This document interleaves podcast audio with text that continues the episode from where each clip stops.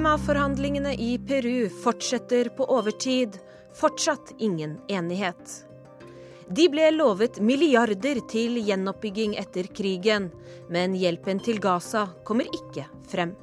Mange palestinere i Gaza føler seg nå isolert og forlatt. Og de over fem milliardene som ble lovet på den norskledede Kairo-konferansen i oktober, har han ikke sett mye til.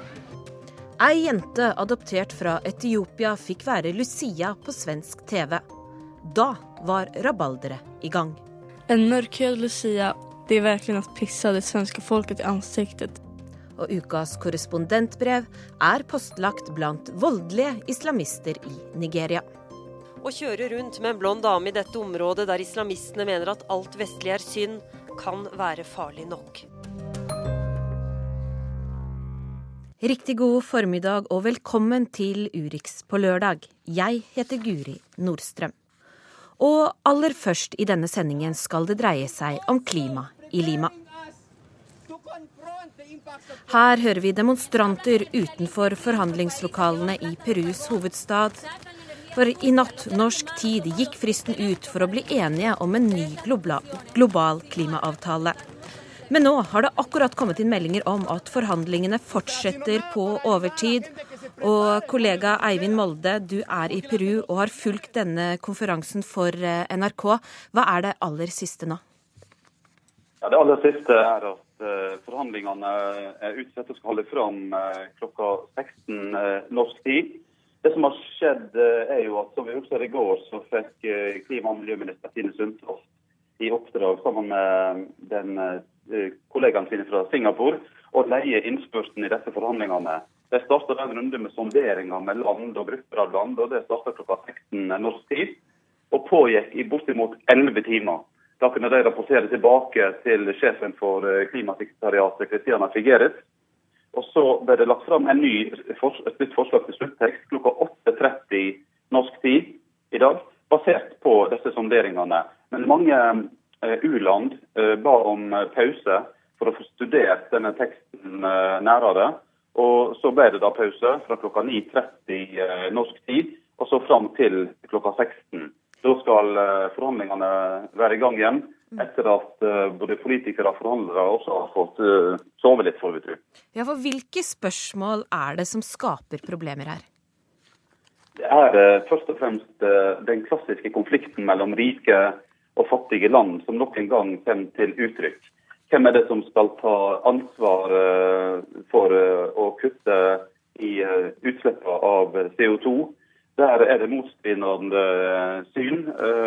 De fattige mener jo at de rike landene som er, som er årsak til en stor del av utslippene, hovedtyngda, må ta ansvaret. Mens de rike landene mener at mange fattige land også må ta et ansvar. Det som er i kategorien fattige land er, er jo land som, som også har utvikla en stor industri etter hvert, og som bidrar i veldig stor grad med forurensning, sånn som uh, Kina f.eks. Forhandlingene har jo pågått i tolv dager. Har man blitt enige om noe i det hele tatt? Ikke i veldig stor grad. fordi at um, altså, Det en har gjort her, er jo å jobbe med en tekst som bare har blitt uh, mer og mer omfattende og mer og mer detaljert. Eh, mange land vil jo ha med sine ting inn i denne teksten. Den var jo på over 50 sider. Og så kom det da et nytt forslag som var på fire, som eh, vi vet. Eh, en del ting kan selvsagt være avklart. Annet gjelder det hovedelementer i den avtalen som skal vedtas i Paris neste år. Der har en et dokument på 33 sider som ligger der, men som heller ikke banker gjennom.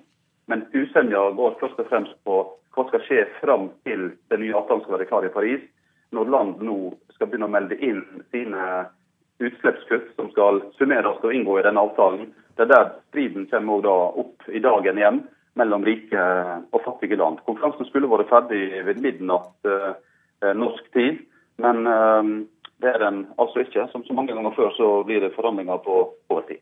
Og du følger altså dette videre for oss i NRK.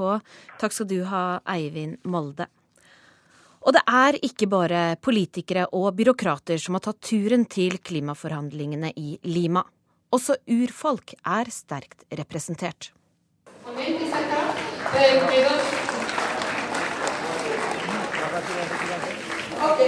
Um, God stemning i urfolkspaviljongen i Lima.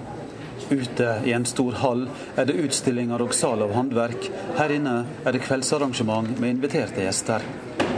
Flere hundre representanter for ulike urfolksorganisasjoner har kommet hit til Lima under klimakonferansen.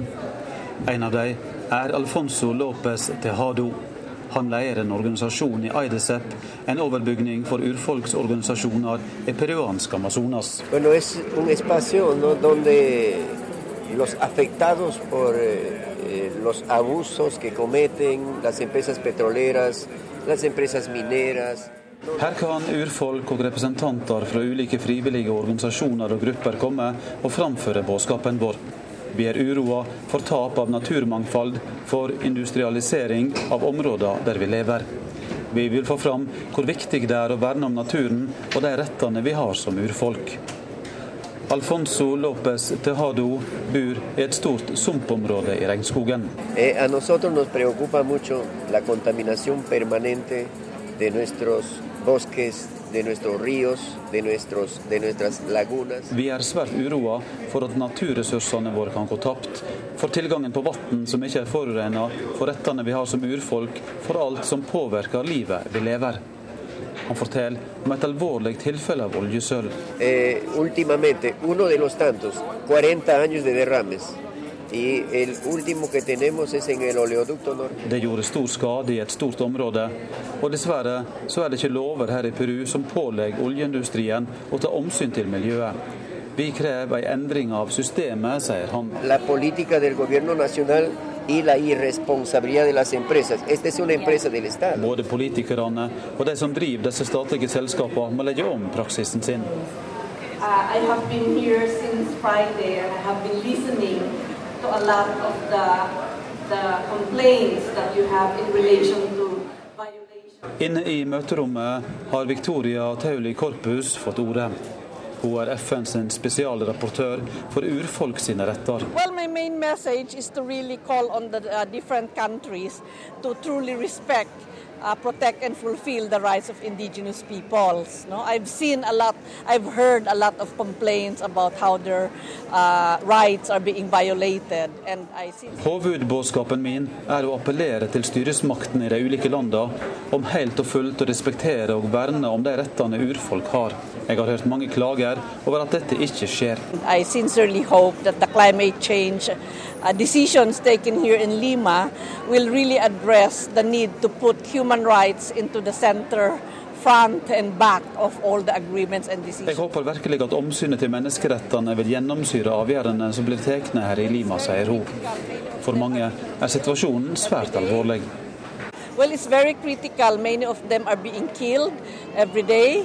You know, many of them are really sacrificing their lives to protect their lands, their territories and resources. Mange blir drepne, mange ofrer livet for å verne om landområdene sine og naturressursene der. And these are the, the, the very uh, forests that will uh, mitigate, that will decrease carbon dioxide emissions in the world. So if the indigenous people's rights to continue protecting their lands are going to be violated, then Det å ta vare på regnskogen er et viktig tiltak for å redusere utslippet av klimagasser. Derfor må vi arbeide for at de som lever i regnskogen, fremdeles skal kunne være der og ta vare på den. Lars Løvold er spesialrådgiver i Regnskogfondet, og kjenner både Latin-Amerika og FN sine klimakonferanser svært godt.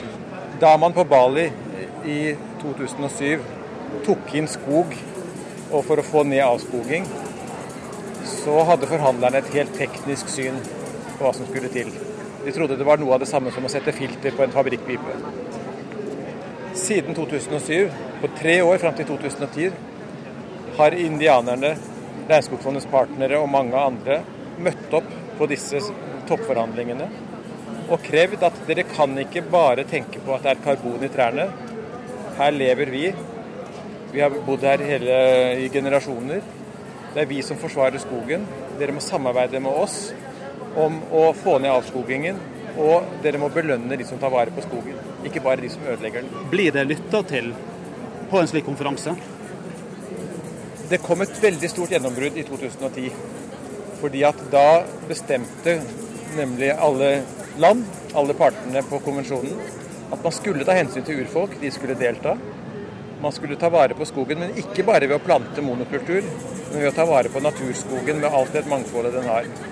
Så hele synet på hva som skal til for at man skal bevare skogen for fremtiden, har endret seg innenfor klimakonvensjonen. Og det skyldes at disse menneskene har møtt opp, snakket med forhandlingslederne fra EU, fra USA, fra sine egne land, og fått dem til å tenke nytt. Fortsatt gjenstår det mye, men vi er allikevel et helt annet sted enn vi var for noen få år siden. Og det er ikke uten grunn at de møter opp. De møter opp fordi de vet at de mange ganger har klart å bli hørt på. Og fra Lima skal vi til India og til millionbyen New Delhi. Den er ifølge Verdens helseorganisasjon verdens mest forurensede by. Og som om ikke det var ille nok, en amerikansk forsker har gjort målinger som viser at situasjonen er enda verre enn man har trodd. Reporter Gry Blekastad Almås har laget denne innslaget. We're in an auto rickshaw right in New Delhi, India, measuring air pollution exposure levels in traffic. Med sitt eget forskningslaboratorium i baksetet kjører den amerikanske forskeren rundt i New Delhis svært trafikkerte gater. Right, right here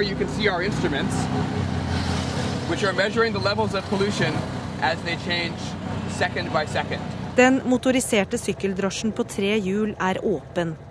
Forurensningen fra de andre riksjåene som konkurrerer om plassen med biler og busser av alle slag, går rett inn i Joshua Aptays apparater. What we see in PM2.5 instrument telling us is that the levels 20 times higher than what World Health Organization recognizes as a safe level. New Delhis 25 millioner mennesker bor i den byen Verdens helseorganisasjon allerede før Aptays funn har rangert øverst på listen over verdens mest forurensede byer. Når han nå måler 20 ganger høyere forurensning enn det Verdens helseorganisasjon sier er trygt, er det dårlige nyheter. Særlig for den halvdelen av Delis befolkning som bor mindre enn 300 meter fra en trafikkert vei. So And one thing I always wondered about is when you drive around in a car or you're sitting in an auto rickshaw or however you're moving around town, how is the air pollution that you breathe in those types of situations different from what an official air quality monitor might tell you? Jeg har alltid lurt på hvordan luftkvaliteten er i trafikken her, sier Joshua Aptay. Apparatene som måler forurensning, er plassert vekk fra veiene, på toppen av bygninger og langt fra der folk er. Det er ikke uvanlig at folk tilbringer opptil tre timer dagen i trafikken, legger han til. Uh, Den indiske bilparken er raskt voksende. Luftforurensning tar over 600 000 indiske liv hvert år, ifølge Verdens helseorganisasjon. Statsminister Narendra Modi har kuttet ut rabatten på diesel som inderne har hatt, men drivstoffprisene må opp på internasjonalt nivå hvis det allerede skyhøye forurensningsnivået ikke skal bli enda høyere, mener eksperter. Folk i New Delhi lurer på om det er trygt å ta seg en tur ut, ifølge den amerikanske forskeren. Um, you know, is it safe for my kid to be playing cricket on the field here? These are the types of things that ordinary people will ultimately want to know. And just having three or four monitors or even 10 monitors around a city can't tell you that information. You really need is a high resolution map for that. I think this is another really important area of research where um, it can actually lead to something that really informs the public as well as advancing science. Trafikken er ikke eneste forurensningskilde i Indias store byer. Industri, kraftverk og søppelbrenning bidrar også til topprangeringen. Men det kan tolkes positivt, mener Joshua Aptay, for det betyr at det er flere som kan bidra til å klarne lufta over New Delhi.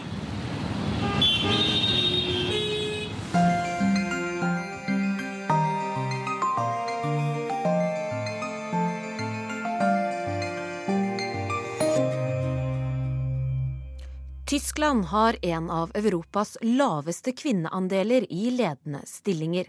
Men denne uka ble det bestemt at man nå skal ha kjønnskvoter i næringslivet. Det har ikke vært en enkel kamp, forteller Arnt Stefansen fra Berlin.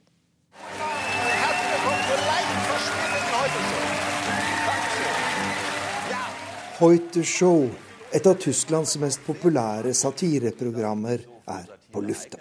Og kveldens tema er Na, Richtig, die Frauenquote mal wieder. Ja. Kvinnekvoter er god TV-underholdning her til lands. Og publikum, både kvinner og menn, ler og applauderer når programlederen Oliver Welke viser et bilde av riksdagsbygningen der den berømte kuppelen er erstattet av to nakne pupper. Spørsmålet er da hvilken kvinnelig politiker går oss mest på nervene, sier den populære TV-underholderen, og to menn kommer på scenen for å diskutere temaet. Likestilling har en for oss nordmenn noe bisarr plass i den tyske samfunnsdebatten. Og det er derfor ingen overraskelse at landets regjering først nå vedtar å lovfeste kjønnskvoter i det private næringsliv.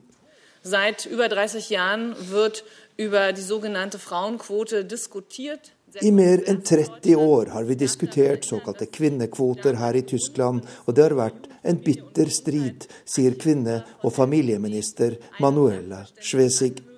Det siste tiåret er næringslivet blitt oppfordret til selv å prioritere kvinner i ledende posisjoner, men det har ikke gitt resultater. Derfor er det en historisk dag når vi nå har vedtatt en lov som påbyr store børsnoterte selskaper å ha minst 30% av hvert kjønn i styre og bedriftsforsamling, sier ministeren.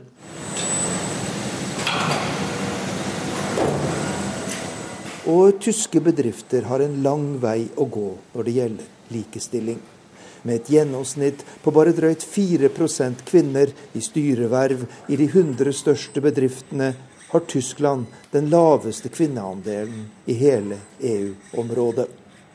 Når den nye loven trer i kraft ved inngangen til 2016, vil det derfor ta mange år før tysk næringsliv vil komme opp på europeisk nivå. Har Tyskland noe å lære av Norge? Ich glaube, dass man ähm, die Länder nicht so per se vergleichen kann. Es gibt ja viele andere Dinge, die in äh, Norwegen auch geschätzt werden. Jeg tror ikke man kan gjøre en direkte sammenligning, for det er mye som skiller oss fra Norge. En av grunnene til den lave kvinneandelen i lederposisjoner her i Tyskland, er at ledelsen i bedriftene ofte er preget av en mannskultur som kvinner ikke vil utsette seg for. Det er en lang prosess å endre dette, og vi må finne vår egen vei, sier kvinne- og familieminister Manuela Schwesig. Når man er pen, blond og likestillingsminister i Tyskland, må man være forberedt på det meste. Og Manuela Schwesig har fått mye pepper. Ofte preget av velkjente fordommer. Hun prøver å gjøre for mange ting på en gang, blir det hevdet. Hadde hun vært mann, ville man kanskje sagt at hun er god på multitasking. Men da en sentral mannlig politiker omtalte henne som sippete, fikk hun bred støtte. Også fra forbundskansler Angela Merkel. Wissen Sie, solche Sprüche perlen an mir ab. Ich hatte jetzt nicht den Eindruck, dass das für mich ein Problem ist. Slike angrep preller av på meg, og det er ikke først og fremst mitt problem. Dette er det svært mange kvinner opplever i sin hverdag her i Tyskland, og det som er alvorlig, er kulturen og holdningene som ligger bak, sier kvinneminister Manuela Schwesig. En kommentar i storavisen Frankfurter Allgemeine Zeitung denne uken illustrerer problemet. Ministerens ærgjerrighet står i veien for henne, skriver avisen. En mannlig politiker ville kanskje fått attesten 'en mann som vet hva han vil'.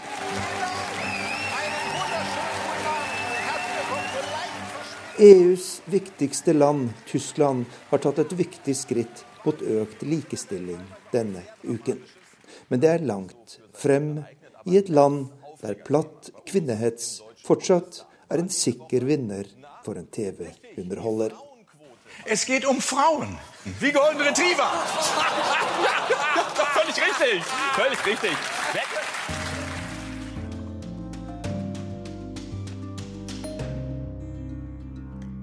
Det er nå over tre måneder siden krigen i Gaza tok slutt. Ødeleggelsene er fortsatt store, og over 100 000 mennesker mangler et sted å bo. I oktober ble det lovet flere milliarder kroner til gjenoppbygging under en norskledet konferanse i Kairo. Men de pengene er det ingen som har sett noe til, forteller vår Midtøsten-korrespondent Sigurd Falkenberg Mikkelsen fra Gaza. Fuad Tata jobber med bøyd hode og rygg. Halve huset hans kollapset under krigen her i Gaza mellom Israel og Hamas i sommer.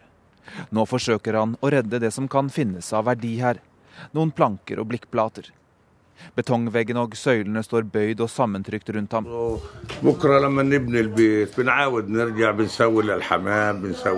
Vi trenger alt dette, fordi når vi bygger opp huset igjen, vil jeg ha dueslag og kyllinger, sier han. Men dit er det langt fram. Resten av nabolaget er en ruinhaug, det også, og oppryddingen har ikke engang begynt. Rett ved huset hans slo en kraftig bombe ned. Der er det nå et krater som er flere meter dypt.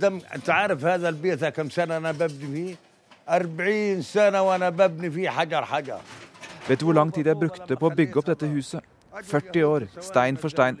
Israelerne kom og ødela det på noen sekunder, sukker Fuad. Nå håper han i det minste at uh, det kan bli en opprydning her med bulldosere, slik at han kan bygge seg et telt på tomta si. Han klarer ikke lenger å bo borte.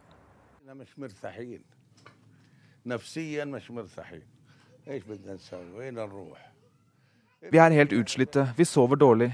Det føles ikke bra å være i en leid leilighet. Det er psykologisk, sier han.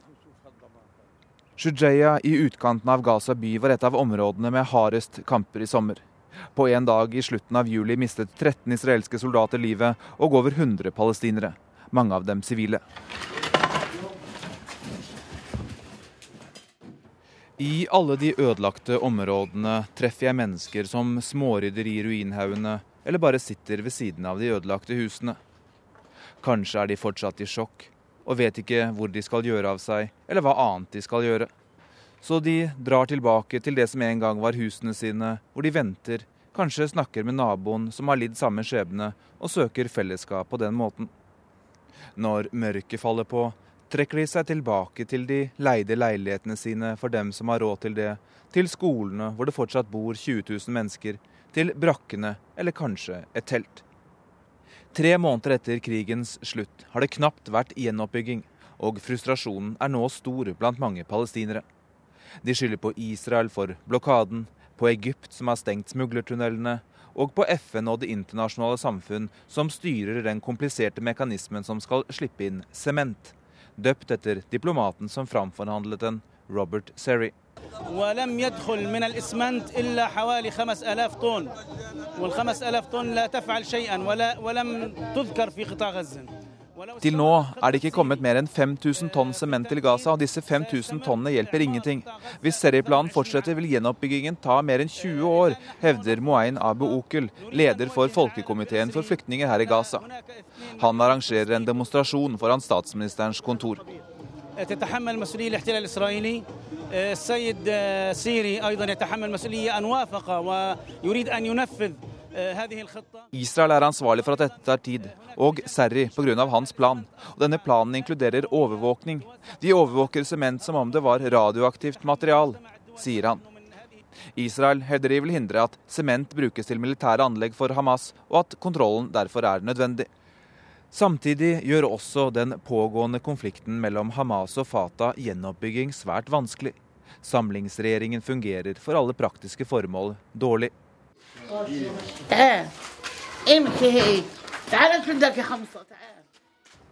I den lille delen av huset som fortsatt står, har kona til Fuad Tata åpnet en liten kiosk hvor hun selger godteri til skolebarn.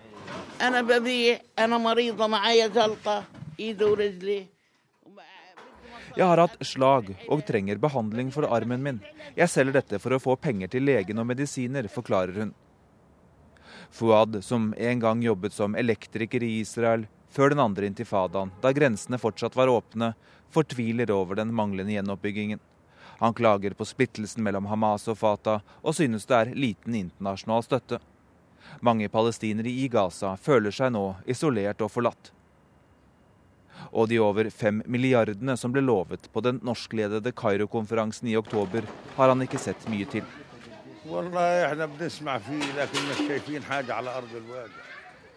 Vi hørte om det og ble glade da, men det har ikke vært noen forbedringer her, sier han, mens han laster skrap på en hestekjerre. Skrap som han en gang håper skal bli til dueslag og hønsehus. Statssekretær i Utenriksdepartementet Bård Glad Pedersen. Norge ledet altså denne giverlandskonferansen i oktober, og er fortsatt leder for giverlandsgruppa. Hvorfor kommer ikke hjelpen frem? Det er jo veldig store hjelpebehov i Gaza. Ødeleggelsene etter konflikten i sommer var enorme, og Gaza var allerede før den konflikten i en vanskelig eh, økonomisk eh, situasjon. Giverlandskonferansen var en suksess i den forstand at den samla inn betydelige midler, ca. 35 milliarder eh, kroner. Og fordi at den også stilte politiske krav til partene for å kunne effektivt eh, få inn den hjelpen. hjelpa. Men der er det fortsatt mye arbeid å gjøre. Ja, for Hvis den var en suksess, hvorfor kommer ikke hjelpen frem? Den konferansen stilte jo klare krav til begge partene. Til palestinske myndigheter om at Eh, samlingsregjeringa deres må få effektiv kontroll over eh, Gaza og få et reformert forvaltningsapparat som ligger under eh, samlingsregjeringa. Det går for sakte, og i innslaget ble det også fortalt om splittelsen mellom Hamas og Fatah. Og Hamas spiller ikke noen konstruktiv rolle for å få det til å gå effektivt og fort. Det er det ene. Det andre er at Israel har jo akseptert en kontrollmekanisme som skal gjøre at det er mulig å få inn hjelpa mer effektivt. Men for å bemanne de kontrollpunktene, så trenger man jo også at eh, samlinga på palestinsk side eh, gjennomføres. Så det tredje det er at de eh, som stilte opp på giverkonferansen og lovte bidrag, må vi følge opp at de faktisk gir sine bidrag. Den største giveren var jo Qatar, som alene lovte 1 milliard dollar. og De er nå i ferd med å kanalisere betydelige beløp til palestinske myndigheter. Da må også andre givere eh, følge etter. Eh, men dette er krevende, og det er klart at den første prioriteten er jo humanitær hjelp til de ca. 100 000 som eh, ikke har tak over hodet. Det er lett å forstå at frustrasjonen på Gaza er stor når vinteren nå er i gang og gjenoppbygginga ikke har kommet lenger enn den har. Men det er nødvendig at de politiske forutsetningene for at hjelpa skal kunne bli effektiv, Eh, kommer på plass. og Der er det krav både til palestinsk side og til israelsk side. som innfris. Det er jo ingen nyhet at det er en utfordring å få fram eh, hjelp i dette området. Hvorfor setter man i gang så store konferanser når man vet at det er så vanskelig å få hjelpen frem? Ja, det ville jo vært helt umulig å få hjelp frem hvis ikke giversamfunnet, internasjonale samfunnet hadde stilt opp og gitt bidrag. Så det er helt nødvendig å ha den giverlandskonferansen som eh, Norge arrangerte sammen med eh, Egypt og den palestinske eh, presidenten. Men det var også nødvendig at den konferansen stilte krav til partene for at hjelpa skulle komme inn. Til palestinske myndigheter om at samlingsregjeringa må få effektiv kontroll, og at Hamas må bidra til det. Eh, og til eh, israelske myndigheter må akseptere lettelser i blokaden, sånn at hjelpa kan komme eh, effektivt inn. Men det er viktig at vi får fremdrift på dette. Det går for sakte i dag med den palestinske eh, samlinga, og Hamas bidrar for lite til at det kan skje. Eh, så, så, det må komme på plass, og det må også lede til at bemanning av kontrollpunkter kan komme på plass, sånn at hjelpa kommer mer effektivt inn. Takk skal du ha, statssekretær i Utenriksdepartementet, Bård Glad Pedersen.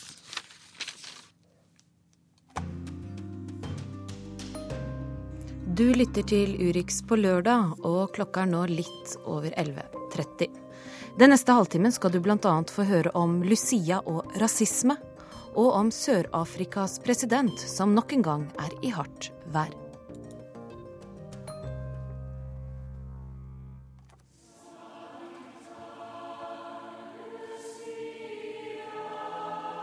Ja, som vi hører her, så er det Lucia-dagen i dag. En erkesvensk tradisjon som hvert år blir sendt på svensk TV. For to år siden valgte Sveriges Televisjon ut ei mørkhudet og adoptert jente til å være Lucia. Det var ikke uproblematisk.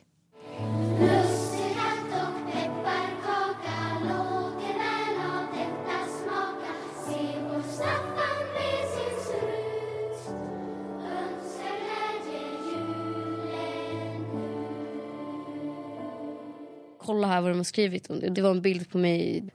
Ja, så, så när vi började titta på det då, det var... Mm, jag, jag, jag tror bara det kändes som ett hål i magen. Som at det var typ frost i magen. En høstdag i 2012 blir 14 år gamle Astrid Sedeløf spurt om noe helt spesielt. Vil hun være Lucia i svensk TV sin Santa Lucia-sending og stå og synge for hele Sverige? Det var, så, det var så himla kul. Jeg tror aldri jeg har vært så glad i hele mitt liv. Tror jeg. Jag tror inte jag tänkte så mycket på, på efteråt att det skulle skrivas så mycket. Eh, Och jag tror inte jag tänkte på min hudfärg och mitt utseende.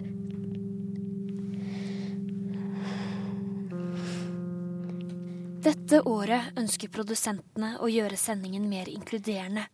Ideen er å ha en Lucia med ikke-svensk bakgrunn. Astrid er adoptert og mørk i huden.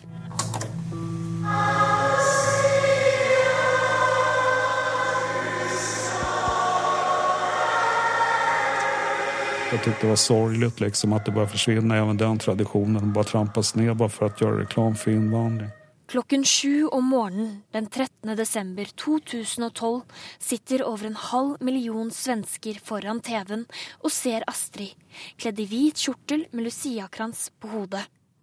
En av dem som ser sendingen, er Kjell. Han er i 50-årsalderen, jobber innen IT og har alltid tenkt at Lucia-dagen er noe helt spesielt. Et lysglimt i en mørk og kald vintertid. Men nå er noe annerledes.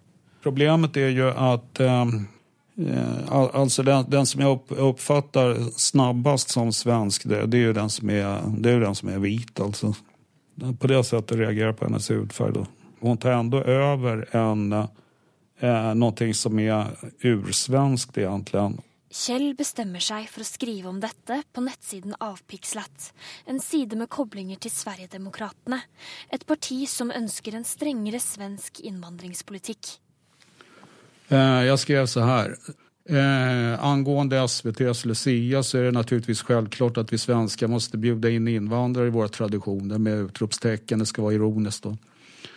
Hur ska de annars känna sig välkomna hit? Detta ska naturligtvis även gälla Lucia, så här kommer mitt förslag. Eh, det röda bandet kan till exempel symbolisera en kvinna som blivit gruppvåldtagen och blöder från underlivet om man har en svensk Lucia. Eh, alternativt kan det symbolisera att statskassan blöder om man har en Lucia som inte är född i Sverige. Okej, det var inte så snällt skrivet då. Men jeg var veldig arg når jeg skrev det der. Kjell er ikke den eneste. 4000 mennesker kommer med lignende hatefulle kommentarer. Mange skriver at dette var dråpen som fikk begeret til å renne over, og at de i valget 2014 kommer til å stemme på Sverigedemokraterna. Det kändes liksom så... Så utlemnende på noe sett. At det var liksom... At det var det första. Um, sen när jag tänker på det efteråt, det är klart det blir, jag får se det på ett annat sätt. Och när man ser hur djupt det går. Man skriver om någonting man inte riktigt vet och det måste vara någonting som ligger djupare i den människan. Och det måste, jag tror att många av dem som skriver det beror på någonting annat. Det är någonting annat som ligger bakom. Det kan inte bara vara att det var mörkhyad Lucia. Okej, men det, det är liksom så ogenomtänkt att kunna hata en person för ens hudfärg. Har de hørt mitt skratt till exempel? Astrid sluttet selv å lese de negative kommentarene tidlig. Hun har lenge tenkt på hvordan dette kunne bli så stort. Hvorfor flere tusen svensker kunne bestemme seg for å hate henne og skrive om det på nettet. Eh, Jag känner en större samhörighet då när jag är tillsammans med eh, de som jag uppfattar som svenskar. Liksom. Eller om man säger så här, om jag träffar någon då, som, är, som är mörk, då, om man säger så, så är det, eh, det är ett annat sätt när man ska ta kontakt med den personen och sådär.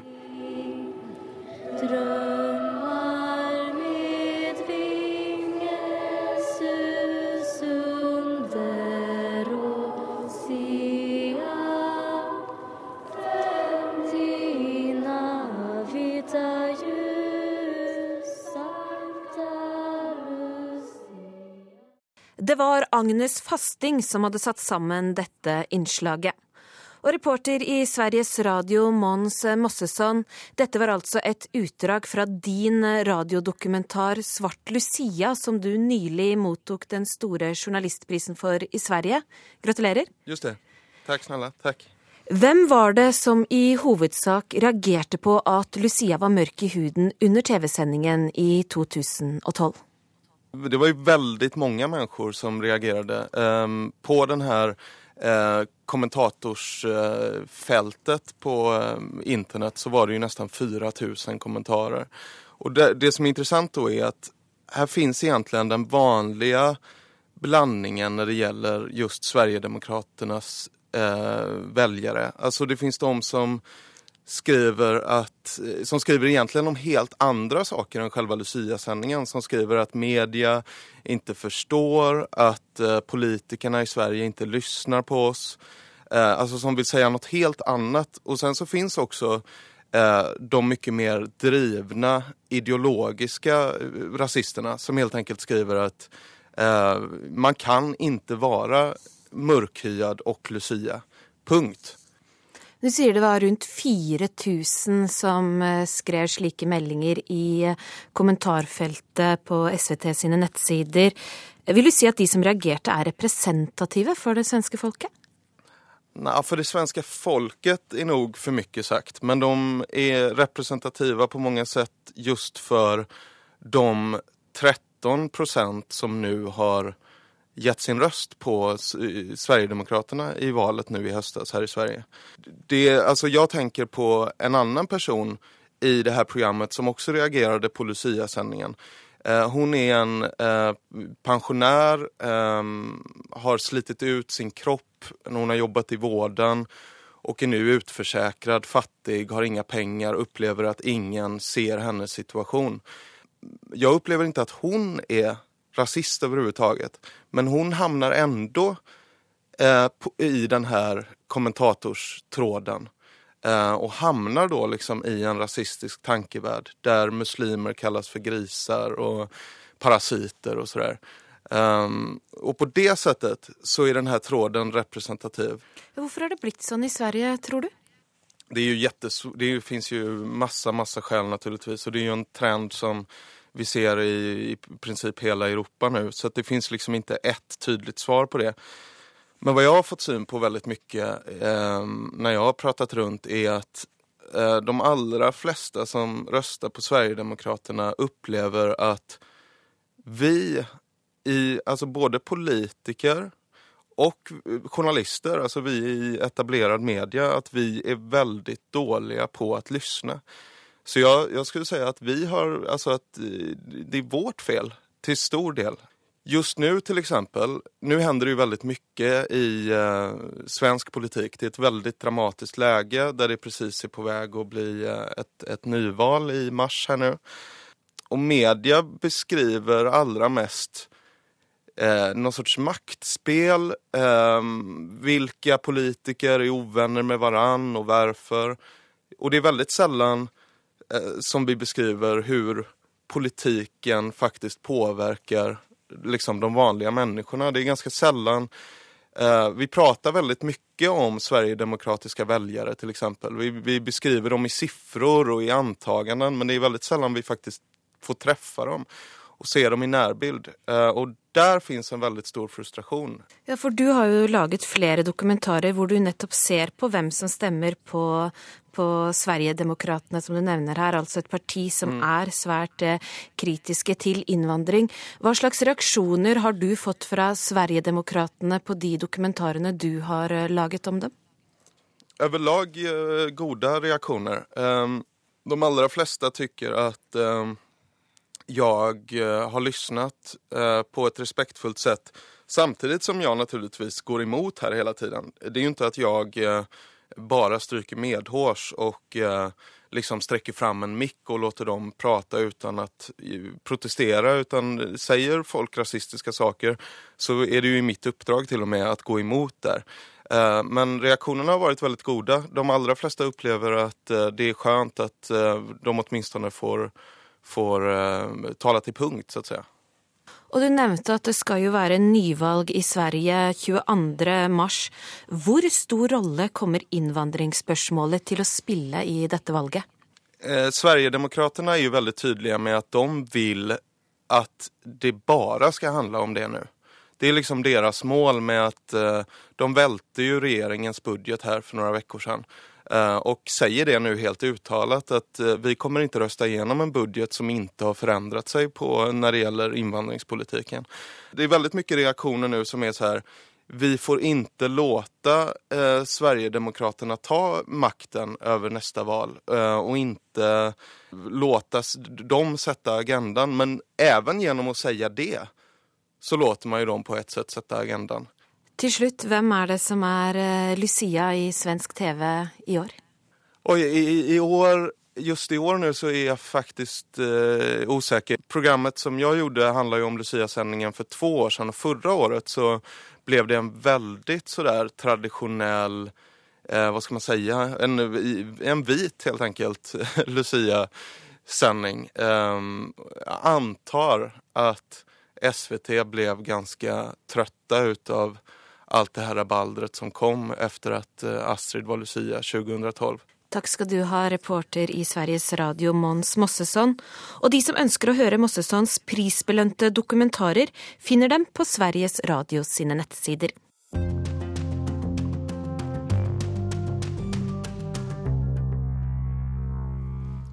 Vi skal til Sør-Afrika, for der etterforsker politiet nå president Jacob Zuma for misbruk av skattebetalernes penger. Sånt blir det hitlotter av. I can.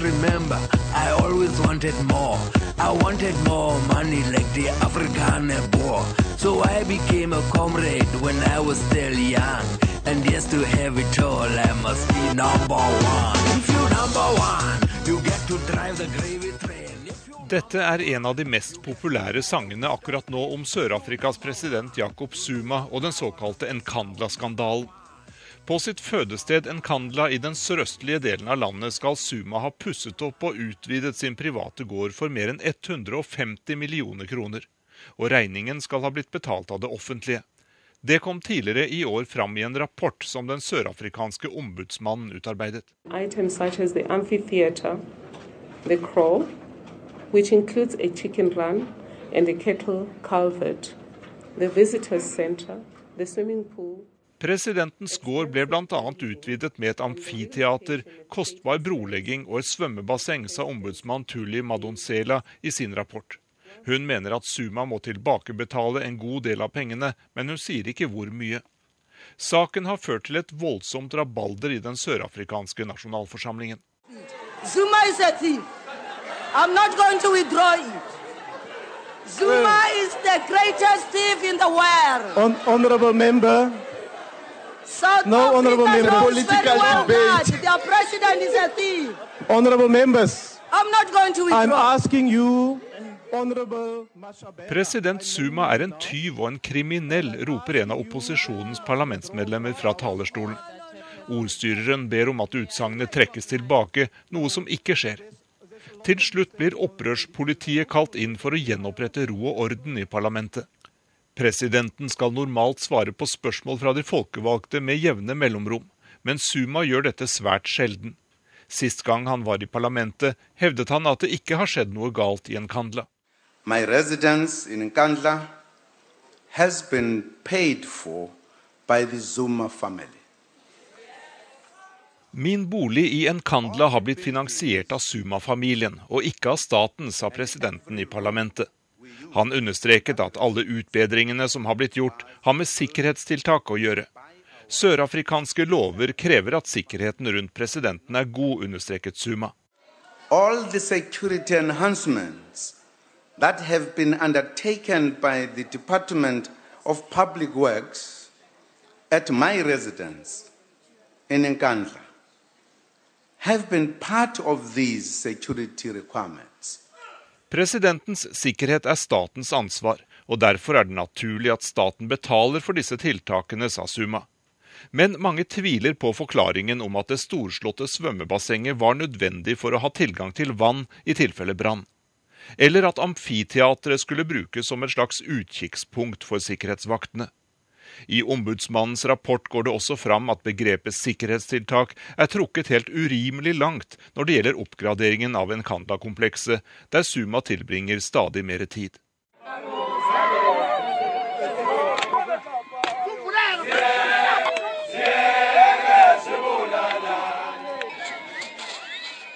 Presidentens privatliv er også gjenstand for stor oppmerksomhet.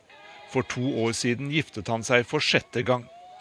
Suma kommer fra Zulu-stammen, og der er flerkoneri fortsatt ganske vanlig. Han har tolv barn fra sine ekteskap og åtte barn utenfor ekteskap. Suma ble første gang valgt til president i 2009 og gjenvalgt i mai i år. Han ble tidlig med i ANC, African National Congress, mens dette var en bevegelse som kjempet mot apartheidregimet i Sør-Afrika. Med Mandelas arv i ryggen står regjeringspartiet ANC svært sterkt, og for mange svarte er det vanskelig å stemme på andre partier. Men alt bråket rundt president Suma ser ut til å svekke ANC noe. Nå har politiet også satt i gang etterforskning av presidenten pga. Nkandla-skandalen, og mange er spente på hva den vil føre til. Nkandla-style! You can style.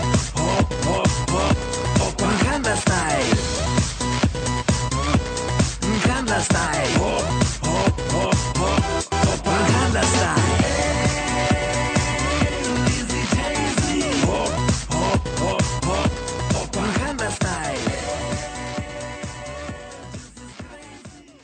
Denne høsten har vært blodig i Nigeria, der Boko Haram har opprettet et eget kalifat. Ukas korrespondentbrev er sendt fra nettopp dette området. Avsender Kristine Presttun. Ta på deg hijaben og dekk til det blonde håret ditt. Fotograf Isaac Abrak er streng i tonen. Han kjenner de lokale forholdene ut og inn, mens jeg er ute på min første reportasjetur utenfor Kenya som Afrikakorrespondent. Vi er i byen Yola, en av delstatene nordøst i Nigeria, der de voldelige islamistene fra Boko Haram herjer. Hver gang vi forlater hotellet, merker jeg hvordan Isaac skjerper sansene, blir konsentrert. Å kjøre rundt med en blond dame i dette området der islamistene mener at alt vestlig er synd, kan være farlig nok. Fire dager tidligere ankommer jeg hovedstaden Abuja. T-skjorta klistrer seg mot kroppen. 34 grader pluss. Himmelen er høy, lyset er hvitt. Det neste er en stor neve i min. Welcome to Nigeria. Isaac tar meg godt imot. Vi har hatt tett kontakt på e-post de siste dagene, men dette er første gang vi skal jobbe sammen. Isaac jobber bak kamera, vanligvis for nyhetsbyrået Reuters. Det er han som sender over bildene som havner i norske nyhetsredaksjoner fra Boko Harams mange blodige bombeangrep. Nå skal han være min gode hjelper i en uke. På vei fra flyplassen inn til Abuja sjekker Isaac nyhetene på Twitter. Nok en bombe. Denne gangen ble 120 mennesker drept utenfor en moské. På markedet i Abuja får vi reaksjonene. En kvinne sier 'Jeg har nesten ikke ord lenger, dette er så forferdelig'. Hvem vet hvor de slår til neste gang? Vi sender intervju med henne over til Oslo, det skal på i Kveldsnytt. Reportasjen kommer på lufta, men lyden er dårlig. Ledningen min, som jeg har koblet til Isaacs kamera, fungerer ikke. En forsmak på de tekniske problemene som venter oss. Nigeria er en stormakt i Afrika. Det mest folkerike landet på kontinentet, med den største økonomien. Men det er skjebnen til 219 skolejenter som har skapt overskrifter verden rundt. Da jentene ble brutalt bortført fra skolen i april i år, engasjerte det kjendiser som Michelle Obama. Bring back our girls. Men hvor er jentene nå, åtte måneder senere? Ingen vet, men de som har flyktet fra Boko Harams fangenskap, forteller om tvangsgifting og sexslaveri. Isaac tar meg med til slektninger av jentene. De har flyktet fra Skibok i nordøst hit til Abuja. I utkanten av hovedstaden møter vi Hawa, søsteren hennes er blant de kidnappede jentene. Rommet hennes er for mørkt til å filme i, hun tar oss imot i en enkel bakgård. Utenfor spiser geiten av en søppelhaug i lav kveldssol. Hawa tror at søsteren er drept, tårene kommer, og bitterheten. Hvis foreldrene våre hadde vært rike, hadde jeg hatt søsteren min tilbake for lenge siden. Hun setter ord på frustrasjonen folk føler i nord over å være usynlig for myndighetene i sør, men godt sett av Boko Haram. Isaac vil vi skal gå, han vil ut herfra før det blir mørkt. Først løy myndighetene om at jentene var funnet, sier han i bilen på vei tilbake. Så løy de om at det var inngått en våpenhvile. Presidenten i sør bryr seg ikke fordi det ikke er hans folk som blir drept. Han har vendt det døve øret til, helt til fredsprisvinneren Malala kom på besøk og tvang ham til å snakke om jentene. Tenk det at det måtte ei ung utenlandsk jente til for at presidenten overhodet skulle bry seg. Isaac spør meg hvilken stamme jeg tilhører. Han lytter forundret til hvordan det er i Norge. Forskjellen er stor fra landet med flere hundre forskjellige språk og etniske grupper. I Abuja aksjonerer Bring Back Our Girls. Demonstrantene møtes hver eneste dag for at vi ikke skal glemme jentene. På veien dit har Isaac og jeg vår første og eneste krangel. Han er sent ute. Jeg spør hvor lang tid det tar å kjøre for å komme dit. Ti minutter, svarer han. Jeg spør litt vel spydig om han mener ti minutter nigeriansk tid, eller faktiske ti minutter. Isaac eksploderer. Jeg får en skjennepreken jeg sent skal glemme, om at jeg bare må finne meg i at her gjøres tingene på hans måte, at jeg er i Nigeria nå, og at jeg absolutt ikke skal komme her og belære ham om noe som helst. 35 minutter senere kommer vi fram. Vi rekker det. Demonstrasjonen var også forsinket. Bildene fra demonstrasjonen skal på i Dagsrevyen. Men noe er galt med kameraet til Isaac. Det får ikke kontakt med datamaskinen. Vi kjører i tett trafikk fra butikk til butikk etter en ny ledning, deretter til en TV-stasjon for å få hjelp. Tiden går. Vi hadde jo beregnet god tid, men nå får vi bare en knapp time til redigeringen. Halv sju tikker saken langsomt over kontinentene, inn til NRK på Marienlyst. Det er bare så vidt den rekker fram i tide. Etter reportasjen er jeg med direkte fra balkongen i Abuja, uten tekniske problemer. Thank you, lord, sier Isaac, og syns at Gud har vel liten plass i mitt vokabular. Dermed legger jeg også inn lovprisninger hver gang noe lykkes for oss med små marginer, som da jeg samme kveld skal være med direkte i Urix på NRK2. Batteriet på PC-en svikter. Det tar ikke strøm. Med fjernhjelp fra Oslo kommer jeg på 30 sekunder før programmet begynner. Av og til er marginene vel små, det kan alle korrespondenter skrive under på. Thank you, lord. Før vi drar nordover mot kalifatets grenser, vil Isaac at jeg skal skifte. På supermarkedet plukker han ut en fotsid sort kjortel med tilhørende slør. Han har reist til disse områdene før, der skoler bombes og jenter bortføres. Sikkerhetsvurderingene var mange og lange før vi dro. Færrest mulige dager i det farligste området, kanskje bytte hotell hver natt. Norges ambassadør i Abuja satte oss i kontakt med både Røde Kors og Unicef i Yola. Men hvem skulle møte oss på flyplassen? Det manglet ikke på tilbud. De er ikke bortskjemt med oppmerksomhet i Yola. Mohammed fra Røde Kors tar oss imot med et stort smil i sin nye ambulanse der plassen ennå ikke er tatt av setene. Yola er ikke lammet av skrekk. Trafikken er tett. Det handles og børses langs veien. Men rett under den normale overflaten er det helt unormale historier. Mohammed forteller hvordan folk har åpnet sine hjem for mennesker på flukt fra Boko Haram. Byen på 300 000 innbyggere har nå fått 400 000 til. De fleste av dem bor hos familie, venner eller bekjente av bekjente. Kjernefamilier på fem har blitt til storfamilier på 20. Jeg kan bare ane hvilket press de lever under. I bilen har jeg på meg klærne fra supermarkedet. Svetten siler. Det er varmere her enn i Abuja. Mohammed sier vi ikke har tid til å stå i kø. Han kjører på veiskulderen og midt mellom to kjørefelt. Vi drar til sykehuset. En kule signert Boko Haram tas ut av ryggen til en mann. I sengen ved siden av forteller en annen om krigere som kom om natten og skjøt mot alle i familien. Sykepleieren sier hun ber til Allah om at Boko Haram ikke kommer hit til Yola. I flyktningeleiren møter vi Jacob. Han er lærer og har startet skole for flyktningebarna etter at hans egen skole ble brent og kollegaer drept. En mor på flukt med ni barn sier hun sender dem på skolen fordi det er dagens unge som skal gjøre Nigeria til et bedre sted å leve. Hennes datter, åtte år gamle Zainab, forteller om menn med lange kniver som drepte mennesker foran øynene hennes. Hun drømmer om å bli lærer når hun blir stor. Vi filmer fra tidlig morgen til portforbudet inntrer ved mørkets frembrudd. Av sikkerhetsgrunner blir vi ikke lengre enn to døgn i Yola. Da vi sjekker ut fra hotellet, virker ikke betalingsterminalen. Mohammed sier han kan låne meg penger. Nei, det kan jeg absolutt ikke ta imot. Men han insisterer og gir meg 2000 kroner i hånda, en formue. Pengene kan jeg overføre når jeg er tilbake i Kenya. På flyplassen takker jeg igjen Gud da vi rekker flyet med fem minutters margin. En delegasjon på seks har møtt opp for å ta farvel.